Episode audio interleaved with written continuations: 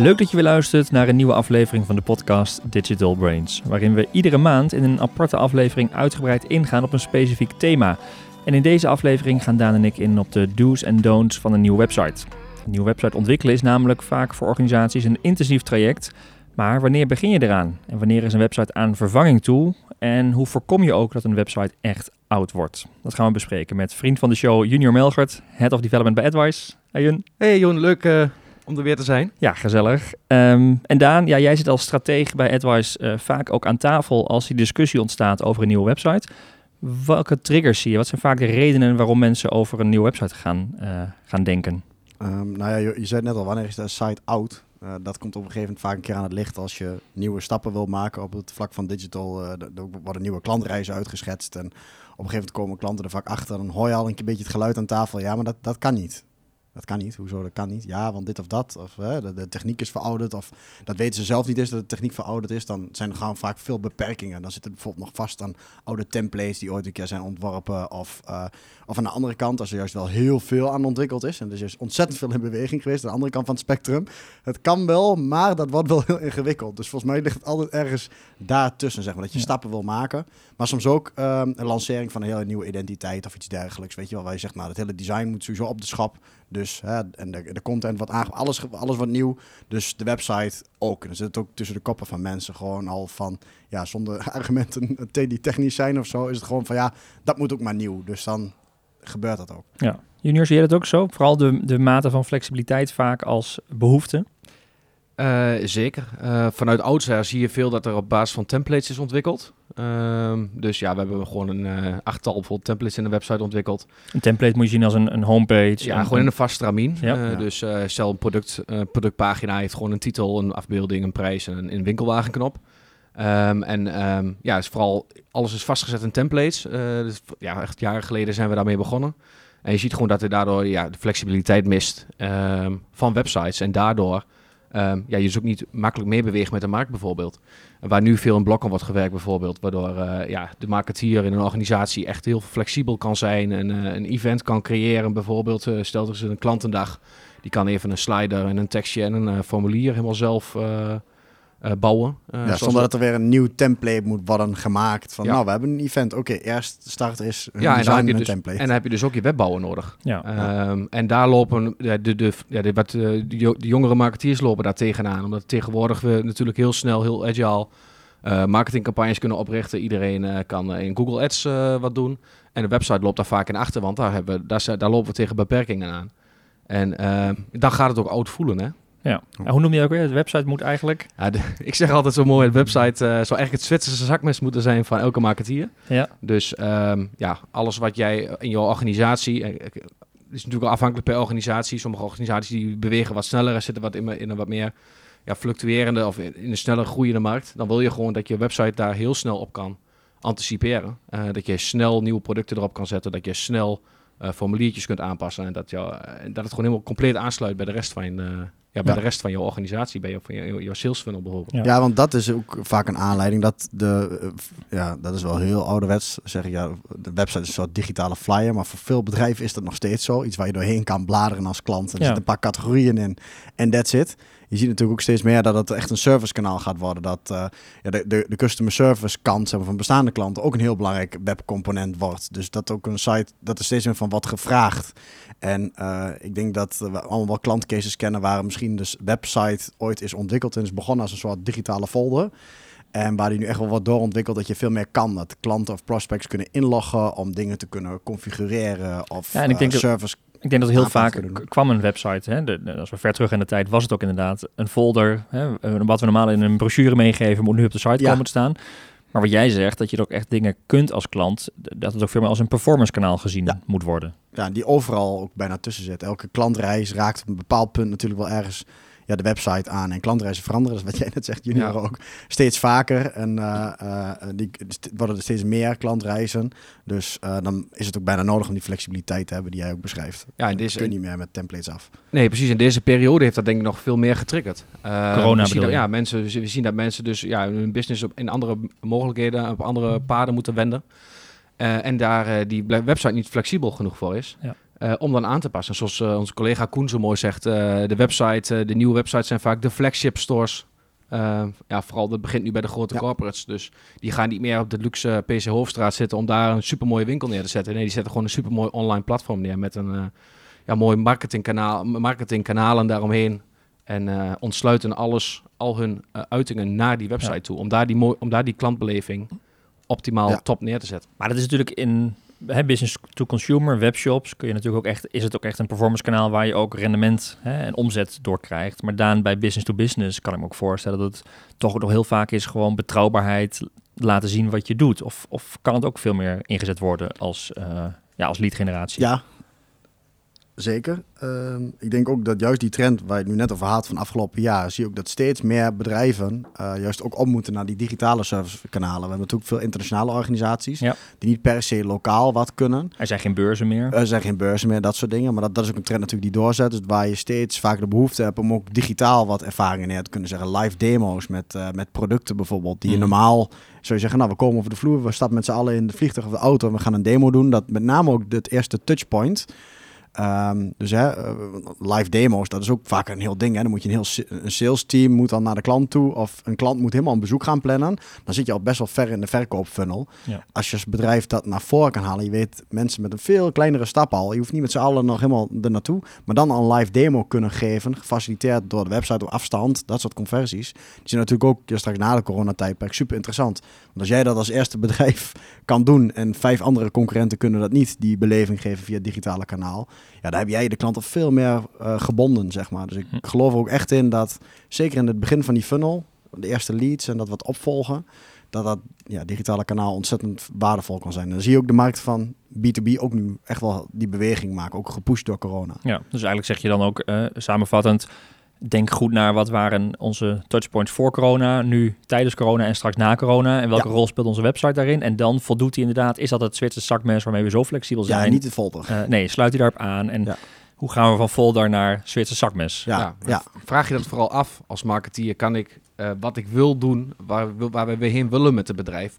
um, uh, voldoet, ja, is mijn website dus dat Zwitserse zakmes om mij om het te enablen dat ik dat ook echt kan doen. Ja. Of loop ik constant tegen problemen aan dat ik de, om mijn webbouwer moet mailtjes moet sturen van kun je mij een formulier aanpassen, ja. uh, kun je deze template aanpassen. Soms is dat ook geaccepteerde situatie al bijna. Dat het gewoon de realiteit is en dat mensen uh, of marketeers denken van ja, maar dat is toch zo. Je moet de website aanpassen, dat is veel gedoe. En... Ja, maar het, we komen daar ook vandaan. Hè? Dus het is ook niet, kijk, het is niet raar. als het nu zo is, dan zeg ik niet dat het verkeerd is. Want we komen gewoon uit zo'n situatie waar dat heel normaal was. Alleen met de nieuwe, nieuwe tools, nieuwe technieken, hoeft dat niet meer zo te zijn. Nee.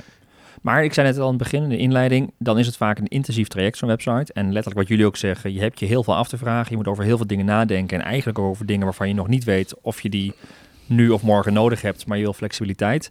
Hoe, hoe uh, start je dan? Hè? Hoe ga je dan uh, aan de slag met een... Hè? Dus je hebt het besluit genomen, we moeten wat met onze website. Hij is verouderd of hij is niet flexibel genoeg. Um, en dan? Hè? Uh, hoe zorg je dat je dan ook daadwerkelijk naar een nieuwe site komt die doet wat je graag wilt?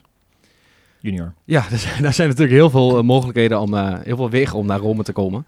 Um, maar goed, zal je eerst eens afvragen. Um, eerst eens kijken wat de huidige situatie is. Dus uh, ga ik neem een keer goed onder de loep. Welke technieken gebruiken we? Hoe oud is de website? wat voor technieken hebben we gebruikt?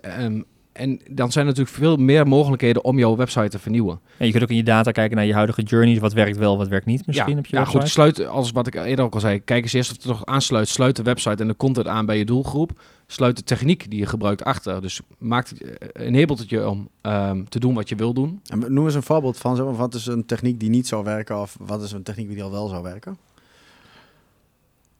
Ja, goed, stel, ik, wat, ik al in het eerder ook, wat ik eerder ook al even zei, um, dus de mogelijkheid om snel flitsend nieuwe pagina's te maken. Dat is een techniek um, die in ja, nieuwere CMS-systemen... Ja, zo, uh, wat is je huidige CMS? Wat, wat nou ja, je hebt, staan ja, lekker, wat ja, je, hebt denk ik ook nog gewoon maatwerk CMS-systemen, hè, waarvan een, een, een, webbouwer een eigen CMS gebouwd heeft, waarvan je ook gewoon merkt dat hij minder snel meegaat met Google-updates of uh, niet meer aan de standaarden voldoet. Dat zorgt er ook voor dat je ja. eigenlijk al automatisch achterloopt. Ja, en uh, we zien dat heel veel bedrijven natuurlijk ook, vooral die, wat, die van de start-up naar de scale-up fase, ja, waar, vaak in-house bijvoorbeeld een website hebben ontwikkeld. Ja. Supergoed natuurlijk, um, in, een, in een vroeg stadium van, mm -hmm. van een bedrijf.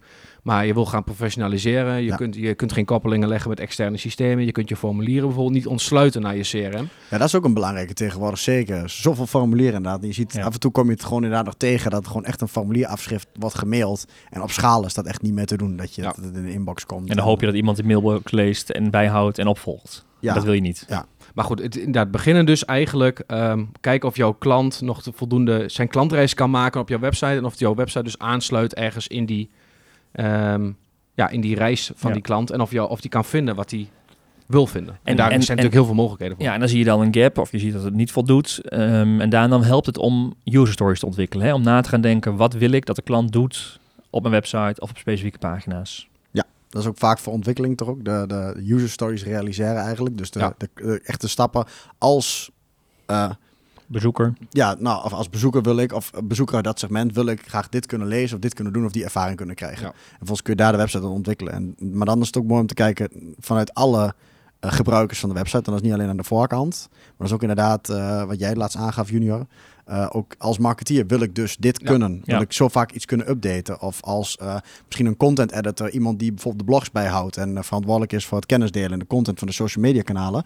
Die wil graag eh, bijvoorbeeld van Advice podcast kunnen publiceren elke week. Ja. Met show notes en zo. Hoe gaat dat proces? En dan zorg je ook dat Zwitser zak, zakmes, denk ik, dat je dat ook gaat realiseren. En ik geloof dat niet vaak klanten binnenlopen die daar van tevoren al heel goed over na hebben gedacht. Nee. Dat klopt. Het is echt een onderbelicht gedeelte. Uh, een onderbelicht stuk. Want we gaan vaak echt, we, we denken, wat ook goed is hoor natuurlijk, voornamelijk vanuit onze klant.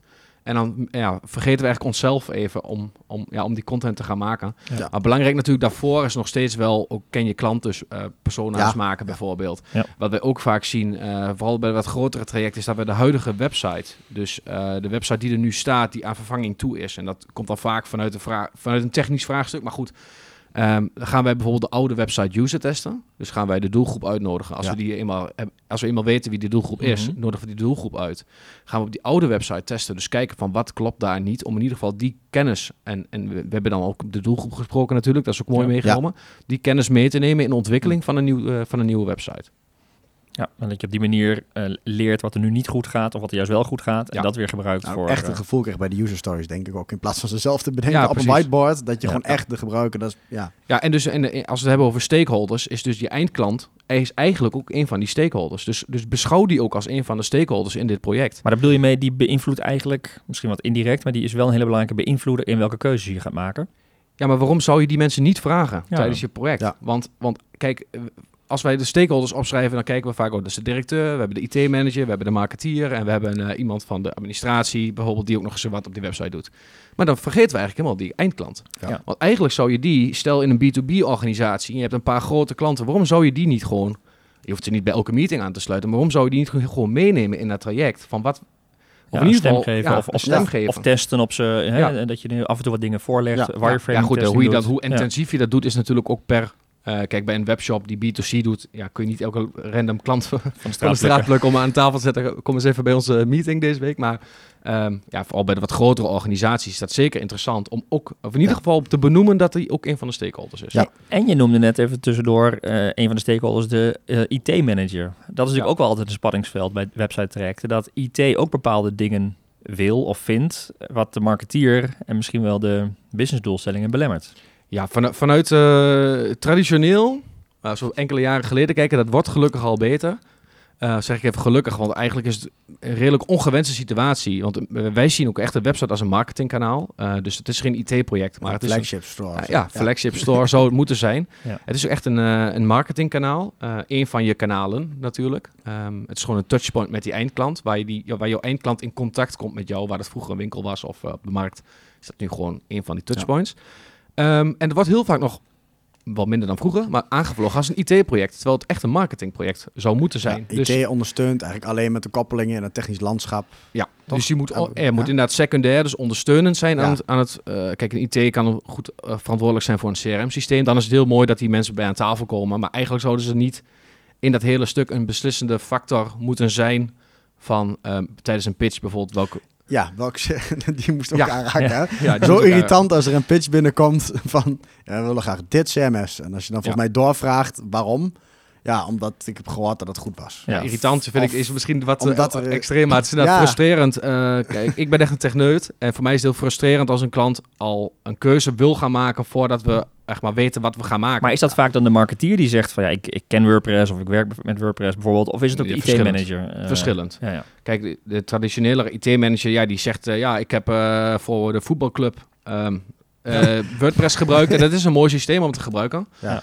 de, de, de, de marketeers die op een, stel we hebben een organisatie waar twee marketeers zitten, die hebben al eerder met WordPress vanuit een vorige functie gewerkt. Dan komt er, staat er op in de pitch sterke voorkeur voor WordPress. Wat ik overigens helemaal niet erg vind, want het is mooi om te weten dat zij uh, al voorkeur oh, hebben. Dus stel, wij zitten, wij zitten op een thin line tussen twee CMS-systemen, dan is het misschien makkelijk om dan alsnog de keuze te maken. Maar jij zegt, hier gaat het om een sterke voorkeur. Um, je moet in de eerste fase als uh, uh, bedrijf, als marketeer, eigenlijk voorkomen dat je al helemaal in één richting denkt of alles al vastzet. 100%. Want er, er zijn veel meer technieken die misschien veel beter passen bij je oplossing dan. Ja, als we even vanuit AdWise kijken, wij zijn gewoon 100% onafhankelijk van techniek. Um, die markt die, die verandert ook ontzettend snel. Ja. Dus het is sowieso belangrijk, en dat vinden wij ook om constant te kijken en te toetsen in de markt, wat is de beste oplossing voor welke case. Dus we mhm. kijken altijd per, ook, ja. ja. per case kijken we echt van wat, welke CMS en welke techniek moeten we daar gaan inzetten. Ehm, en je zie je bijvoorbeeld al, hè, want de HubSpot CMS uh, eh, is upcoming momenteel. Even is... HubSpot Marketing Automation Tool, vooral bekend van landingspagina's en, en ook een beetje je CRM. Goede toelichting. Uh, maar die hebben ook nu echt een CMS waarmee je de website in HubSpot kunt bouwen en eigenlijk die marketing automation direct kunt integreren in je website. Hè? Ja. En dat is een rela relatief vorig jaar geloof ik gelanceerd. Ja, uit mijn hoofd, um, ja, dat zou ik met de laptop op moeten zoeken, maar die is uh, net uitgevallen. Maar um, volgens mij eind of april 2020 of april 2019. Okay. Een van die twee. Maar recent. Ja, recent. Een nieuwe CMS ja. in één keer. Ja. ja. dus HubSpot is natuurlijk bekend als CRM. Uh, ja. Een beetje, ja, redelijk... Uh, marketing en sales funnels. Ja, het is laagdrempelig en je kunt er ook heel veel mee.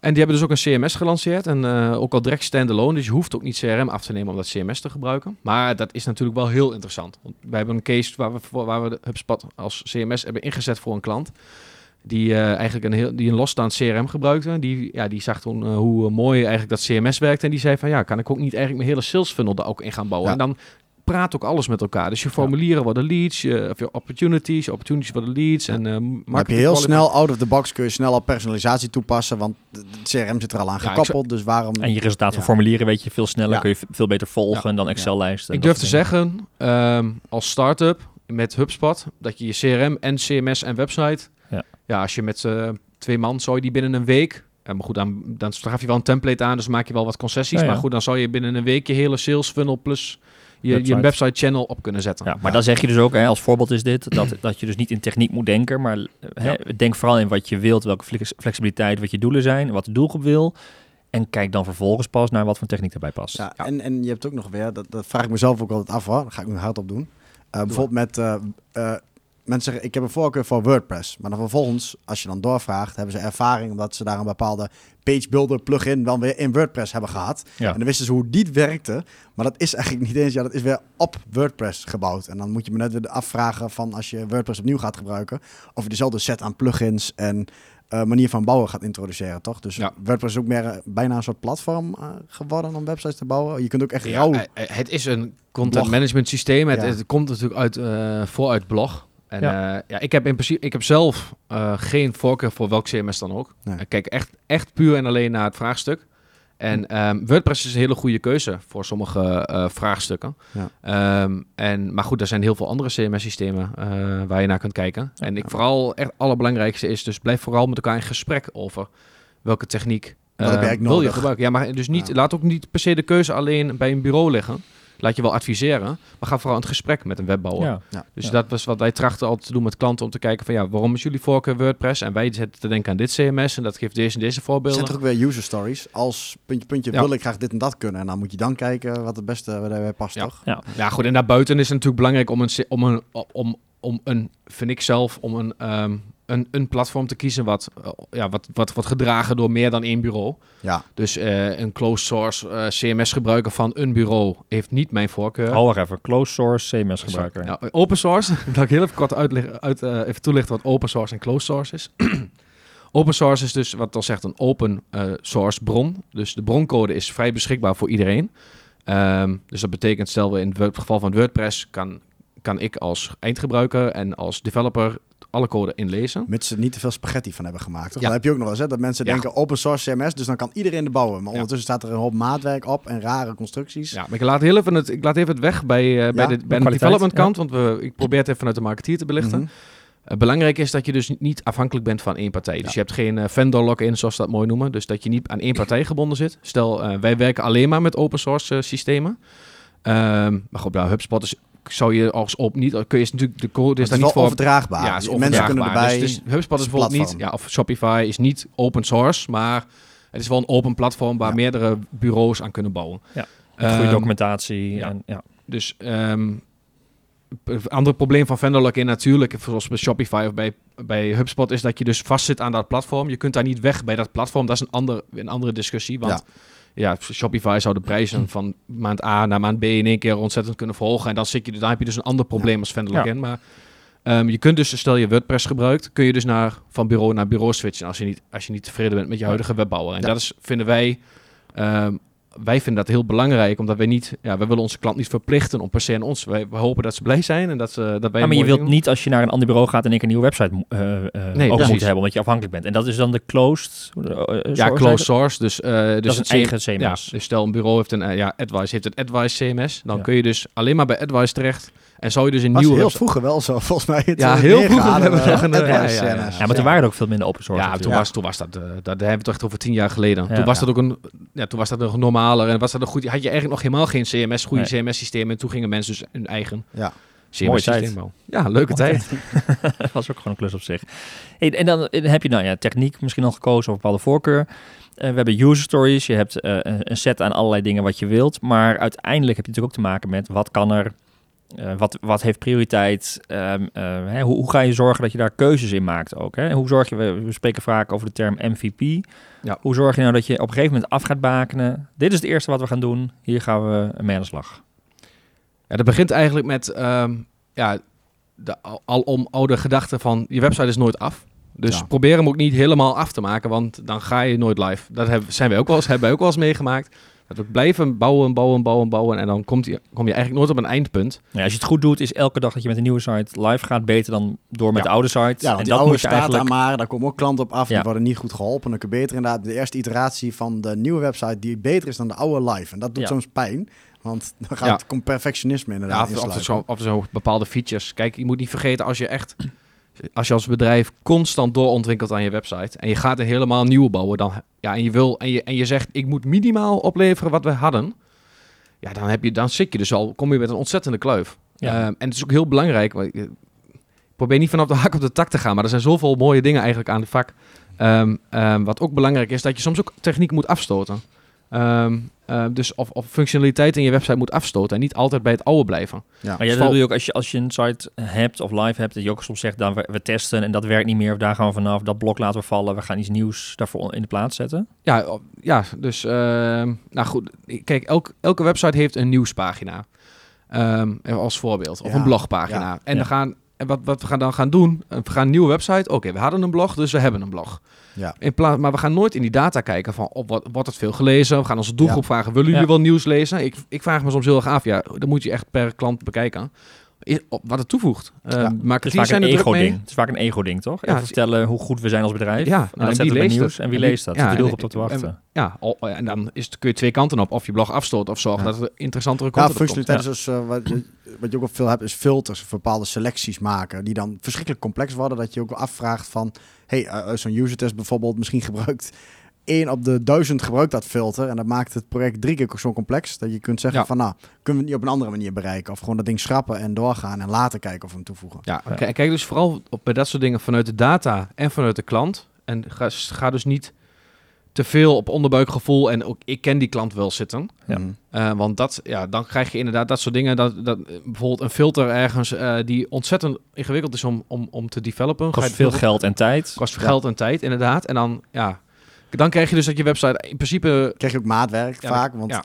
als, vaak als iets veel gebruikt wordt, dan zit het volgens mij vaak ook in een pakket. Of in een, in een search plugin. En als je daar iets wilt wat daar buiten komt, moet je inderdaad echt volgens mij gaan afvragen, van willen we dit wel uh, maken. En is het inderdaad echt zoveel waarde en zoveel differentiatie voor de organisatie dat je dat kunt filteren, dat dat, dat waard is. Maar ook als je kijkt voordat je met een website trekt, is deze discussie natuurlijk intern hè, uh, als marketeer met jouw stakeholders even voordat je misschien nog met een bureau aan tafel gaat, wel heel relevant. Hè? Het hebben over wat doen we wel, wat doen we niet, waarom. Verwachtingen. Ja, we, we hadden daar een model voor, Daan, uh, wat we dan vaak hanteren. Project Management Triangle, waarbij we het hebben over de ja, de driehoek eigenlijk waar het gaat over scope, budget, planning. En, en hoe, hoe, hoe, hoe ver gaan we in bepaalde dingen? En hoeveel tijd is het ons en geld is het ons waard?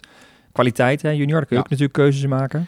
Ja, belangrijk. Uh, wij zeggen altijd, je kunt een paar van die dingen maar vastzetten. Want je kunt natuurlijk niet zeggen, ik wil de beste kwaliteit uh, in de snelste tijd en... Minste geld. Minste geld. Dat zijn, uh, ja, daar zijn... Ja, dat gaat ten koste van de kwaliteit toch? Ja. Dat is, daarom staat die centrale in de driehoek. Ja, precies. En dat gaat dus, dat, ja, dat vreet aan elkaar. En als je daar niet over met elkaar in gesprek gaat, want dat is vooral belangrijk denk, ik zeg niet dat je daar ze moet zeggen, oké, we gaan niet voor kwaliteit, maar we moeten vooral met z'n allen weten dat het zo is, dus dat het zo werkt in een project. Maar zijn er gradaties van kwaliteit dan? Ja. Hoe, hoe, moet je dat zien? Ja, dat, die vond ik wel. Die, is heel moeilijk te kwantificeren, maar, ja. er zijn uiteraard zijn gradaties in kwaliteit. En als we echt puur even in de techniek kijken naar development, um, ja, goed, dat is eigenlijk het verschil tussen we hebben een testomgeving of hebben die niet. En we hebben een, een wekelijkse demo of we hebben een acceptatietest of hebben die niet. Dus daar kun je wel in je project wat in gaan schipperen. Maar je bedoelt, uh, of je zet direct alles op live en daarmee ook het risico dat als je iets ontwikkelt, dat het misschien nog niet, niet, niet goed werkt. Je kunt ook zeggen, we hebben verschillende stages, hè, fases van we, we, bouwen, we zetten naar een testomgeving, de klant kan gaan uh, testen en accepteren en pas dan gaat het naar live. En dan heb je veel meer quality checks ingebouwd. Ja, en dat is dus Ehm, ja, uh, als ik zeg altijd, het is natuurlijk... De voorkeur heeft om het altijd wel te doen, natuurlijk. Dat is de basis, daar begin je. Elke developer... Normaal gesproken ga je dat doen. Ja, normaal gesproken, normaal gesproken ga je dat doen. En dat is ook verstandig om te doen. En het is ook niet, ik zeg ook niet dat het daar alles twee keer zo duur voor, door wordt. Maar goed, je bent daardoor minder snel. Um, het kost wel meer tijd. Uh, ja, ja. Dus, die, dus als jij snel een campagnewebsite wil live zetten, dan moet je dat overboord gooien. Ja. Als jij zegt van oké, we hebben een nieuw product, dat willen we nu op de markt brengen. Ja, dan moet je gewoon nu gaan bouwen. En dan moet je dus ook niet al die testomgevingen. Ja, dat is de, de, de, hoeven we ook niet uh, beschamend over te doen of zo. Dat zeiden ze bij Facebook toch altijd: move fast and break things. Of was het een andere organisatie? In ieder geval een van de Silicon Valley startups die zeggen: daar mogen dingen wel kapot gaan. Als je maar meet dat er iets kapot gaat en het kunt repareren, zeg maar, dan, dan is dat niet erg. Dan ben je wel snel en wendbaar. Ja, dus en ook hoe, hoe afhankelijk ben je er ook van. Hè? Ja. Ik bedoel, bij een shop is het kritieker als, er een, hè, als het bestellen niet meer mogelijk is. Maar bij een, een, een, zeg maar, een corporate website waar even een pagina of een bepaald blokje niet goed werkt, ja, dan maakt het vaak minder uit. Je komt online best wel eens vaak ook producten tegen van grote bedrijven die het soms gewoon even niet doen. Ja, maar dan is er dus ook in die projectdriehoek kennelijk een keuze gemaakt. Bewust of onbewust. Ja. dat er inderdaad toch de tijd uh, Nee, maar wees bewust. Was. Dat is echt, dat zie ik gewoon veel te weinig. Maak afspraken, praat met elkaar over die driehoek en maak bewuste keuzes en ook over die kwaliteit. Ga erover met elkaar in gesprek. Want we, wat veel te vaak gebeurt is dat we er gewoon vanuit gaan dat het zo is.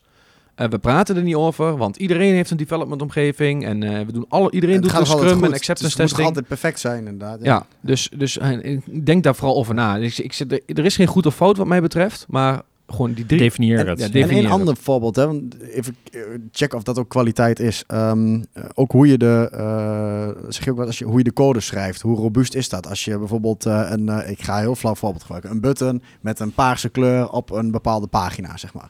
Dan als je lage kwaliteit programmeert, dan Color werkt hij op die pagina en dan is het goed dan zeg je lanceer maar. Maar als je echt uh, dus ook goed alles test en je bouwt hoge kwaliteit, dan zou je kunnen zeggen, oh, als je die button nou uh, daar neerzet. Of wat doet hij op mobiel? Wat doet hij op tablet inderdaad? Ja. wat uh, in, in een andere situatie, als je hem op een heel andere pagina neerzet, wat er dan niet een andere kleur als het ware. Dat soort regeltjes of ja, met dat, een ja, koppeling daar heeft echt over testing. Maak dat documentatie. Is ja, dat is ook het, daar hebben we het echt over testing. Dat is ook een stukje wat, we, wat je wel of niet kunt doen natuurlijk. En daar mhm. is, dat, dat is tegenwoordig al vrij geautomatiseerd. Dus wij kunnen ook al een pagina inladen tegelijk op uh, die browser en tegelijk op mobiel, tegelijk op tablet, zodat we al ja, in het development proces al zien wat ja, dat is frontend. Maar als je er een backend, als je er een formulier bijvoorbeeld van maakt, formulierkoppeling. Je zegt, nou, ja, we leggen de koppeling eenmalig tussen dit en dat systeem. Maar dan ga je ervan uit dat die koppeling alleen maar daarvoor wordt gebruikt in de situatie, nooit ergens anders voor in wordt gezet. Ja, of wat je wil zien dat je een formulier statisch inlaat. Dus dan is het inderdaad, pas je het formulier aan, moet je de code opnieuw plaatsen. Of je hebt een koppeling wat dynamisch is. Als je het formulier aanpast, wordt die gelijk aange... Dat is meer werk. Is dat ook kwaliteit?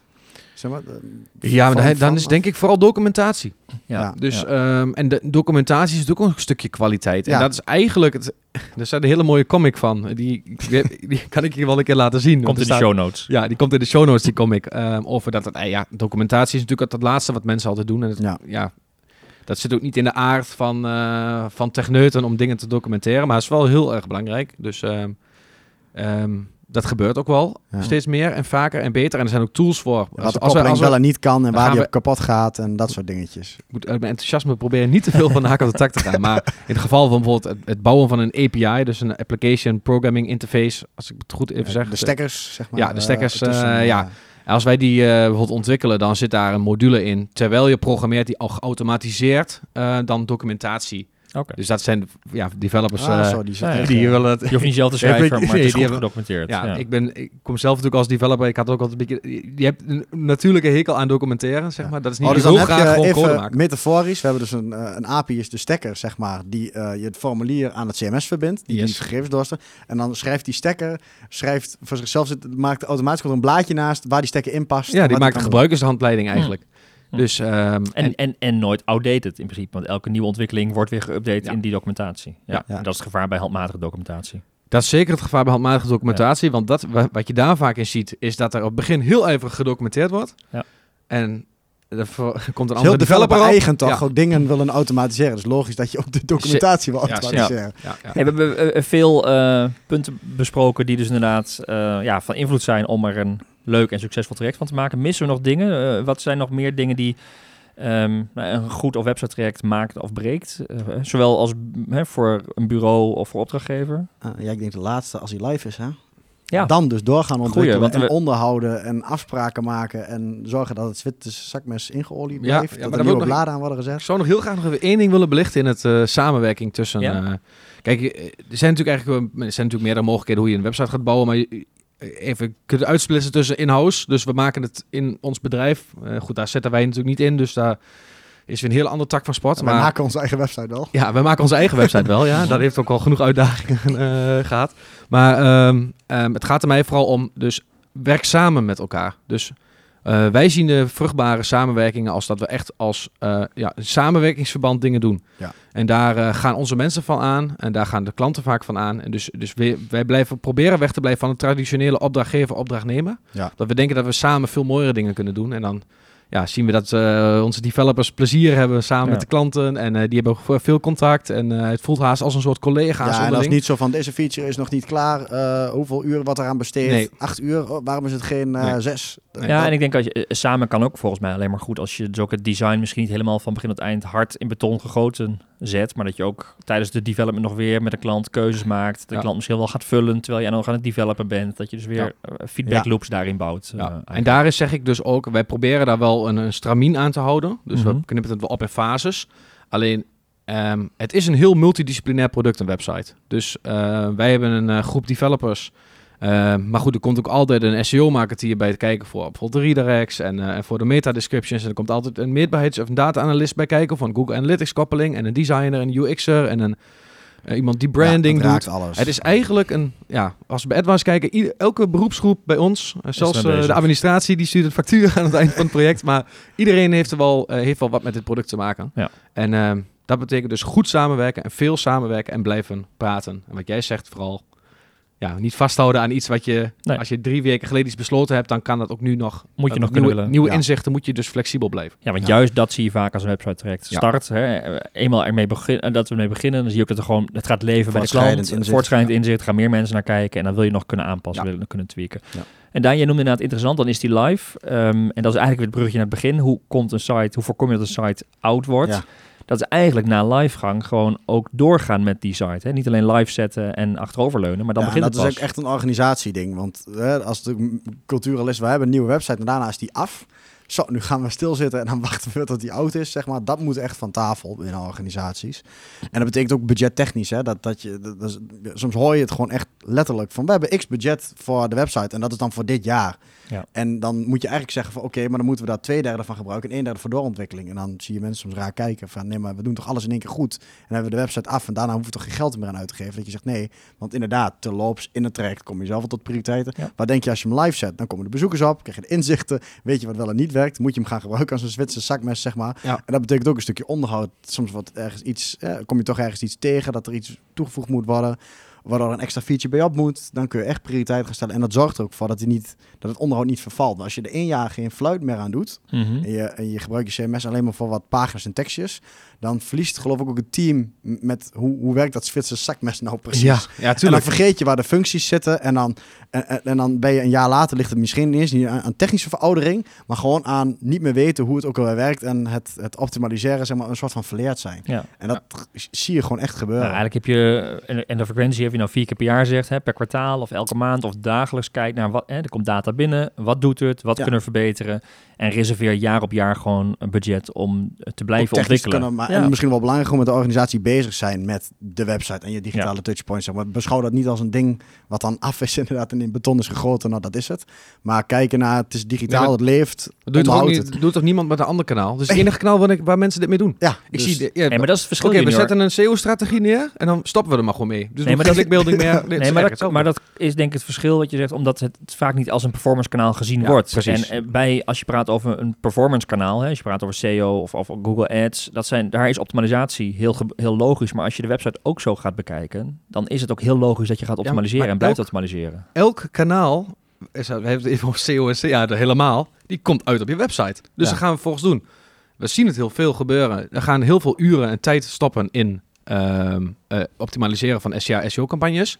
Supergoed natuurlijk, laten we Mhm. vooropstellen. net als een show, En dan, maar, maar en- vervolgens niks aan die website doen. Ja. En daarom, juist daarom, dan voelt het dan na een tijdje oud. Niemand weet precies wat je ermee doet. De klanten die veel doorontwikkelen, die, waar, daar zien wij gewoon dat zij soms eh, met, met, met blokken of iets, iets doen waarvan wij dachten, oh, dat hadden we hebben we helemaal nooit zo bedacht. Die Ja. bedenken gewoon nieuwe features Ja. en nieuwe templates met bestaande blokken. En die zijn daar, worden er heel creatief en flexibel in. Ja. maar dat dan- is ook weer, als je net zei, het is- je flagship, hè? Flagstore, zei je dat? ja, van, vlek, web, je web, de web, nou goed, dat is een beetje een algemene trend. We zien dat, de, eh, dat begint nu bij de grote corporates. De, de website wordt vaak wordt steeds meer de flagship store. Ja. Dat is eigenlijk... Ja. eh, nee, maar ik bedoel, je, je, je, het is ook niet zo dat je reclame maakt in de huis-en-huis krantjes of in folders eh, om mensen naar je winkel te krijgen, hè, even offline. En dat je dan zegt, ja, de winkel is niet op orde, de winkel is outdated, eh, hè, de, de, de productcategorieën kloppen niet meer in de winkel, de, de, Nou ja, het, is, dit- het is vies, het is slordig. ja, store is niet gestofzogen. Ja, je wil Ja. dat die winkel ook netjes is. En eigenlijk moet je de website ook zo gaan zien. Die moet altijd voldoen aan... Ja, nou ja, af en toe een keer de showroom updaten, Ja. wat nieuws in de vitrine, maar dat is niet alleen maar content. Dat betekent ook af en toe een andere in- winkelindeling of de Ja. kassa op een andere plek zetten om de doorstroom te verbeteren. Maar dat, en dat kan met digitaal gewoon makkelijk. Ja. Als je het maar blijft doen. Ja, en je ziet nu... eh,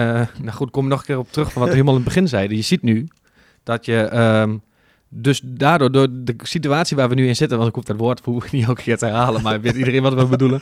Ehm, ja, dat dat nu ook, eh, dat je ziet dat als je daar niet, als je dus niet daar klaar voor bent, Ja, die, stand, die stonden je- stil in het begin, die staan nog steeds stil als het ware. eh, Ja. eh, ja. Dus als jij niet, als je niet na hebt gedacht over een goede techniek achter je website en jij bent nu, eh, jij wil nu of- via internet gaan verkopen, ja, dan loop je vast. We kan niet. We hebben daar nooit over nagedacht en we hebben Nee. geen flexibel systeem dat eventueel ook e-commerce zou kunnen gaan doen als we dat ooit zouden willen. Of Ja. click en collect eh, Ja, goed klik- implementeren. Dan Ja, zeg je dingen. we hebben een nieuwe website nodig. Ja, Ja. ja. oké. maar de, en, en nog even afrondend, want we zijn bijna door de tijd heen.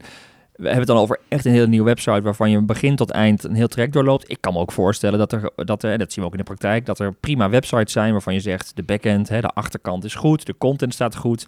Alleen er moet een nieuw jasje eh, even overheen. Je kunt er ook ervoor kiezen om alleen de voorkant te vervangen, junior. Eh, Zeker. Ehm, en dat zien we natuurlijk voornamelijk als eh, we een nieuwe uh, brandidentiteit, Ja. als een bedrijf een brandidentiteit krijgt. Maar ook, ja, dat is ook een stukje doorontwikkeling. Hè? Dus ehm, ehm, als het, zodra je zeg maar gewoon constant doorontwikkelt, dat betekent ook dat je de frontend dingen aanpast. Ja, de visuele kant, wat je dus ziet, eh, dat kan je ook best wel groot aanpassen, zonder dat je helemaal aan de achterkant opnieuw Ja. moet gaan vullen. Of dat is een oude. Nokia-telefoon, daar kun je de frontjes nog Ja, van nou, dat, dat doen we, ja, dan kun je de frontend dus vervangen. Je Ja, kunt als dus je het goed voor elkaar hebt en je onderhoudt het dus ook een beetje, dan eh, dat is ook kwaliteit, denk ik, dat je Ja. het frontje kan En veranderen. dat heeft ook weer met die techniekkeuze te maken. Dus Mhm. dat je daar flexibel, als je dat wil tenminste, hè, want het blijft een, het, het is een complex product. Dat eh, zie je natuurlijk aan alles. En Ja. we hebben het ook eh, allerlei verschillende facetten hier hebben, we- hebben we het natuurlijk over gehad. En ik denk als we doorgaan, kunnen we zo nog twee uur door kunnen praten. Dus eh, mocht er iemand zijn die luistert en die met mij graag over websites wil praten.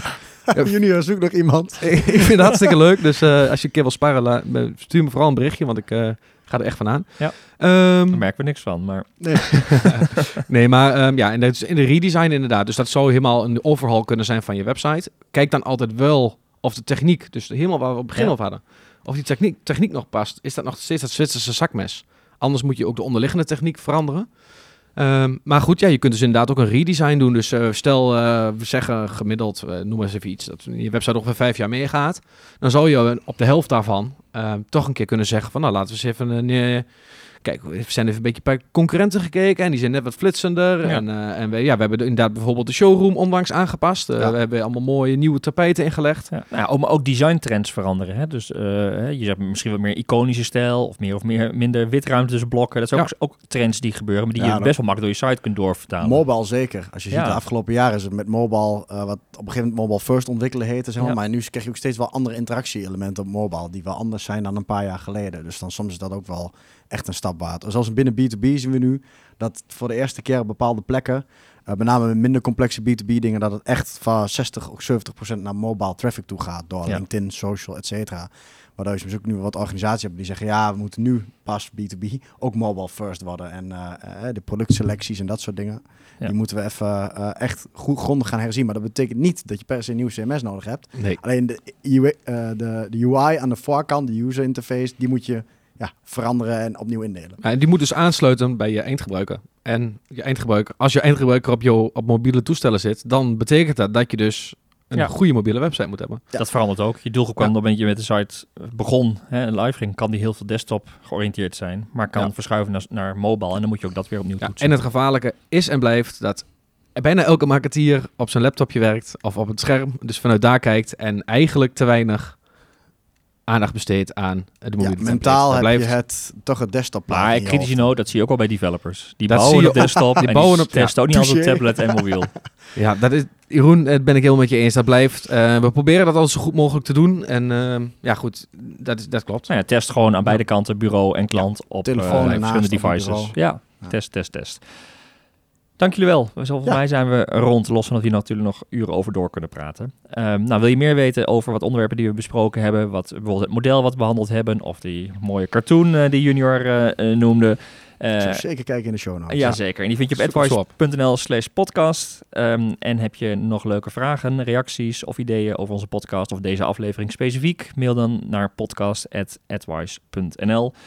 En zoals je weet, uh, wil je ook de volgende afleveringen blijven volgen. Andere deep dives waarin we ingaan op een specifiek thema. Of onze puls waarin we steeds even bijpraten over het laatste nieuws. Abonneer je dan op de podcast in je favoriete podcast app via Spotify of YouTube. Kan dat ook. En voor nu heel erg bedankt voor het luisteren en graag tot de volgende aflevering.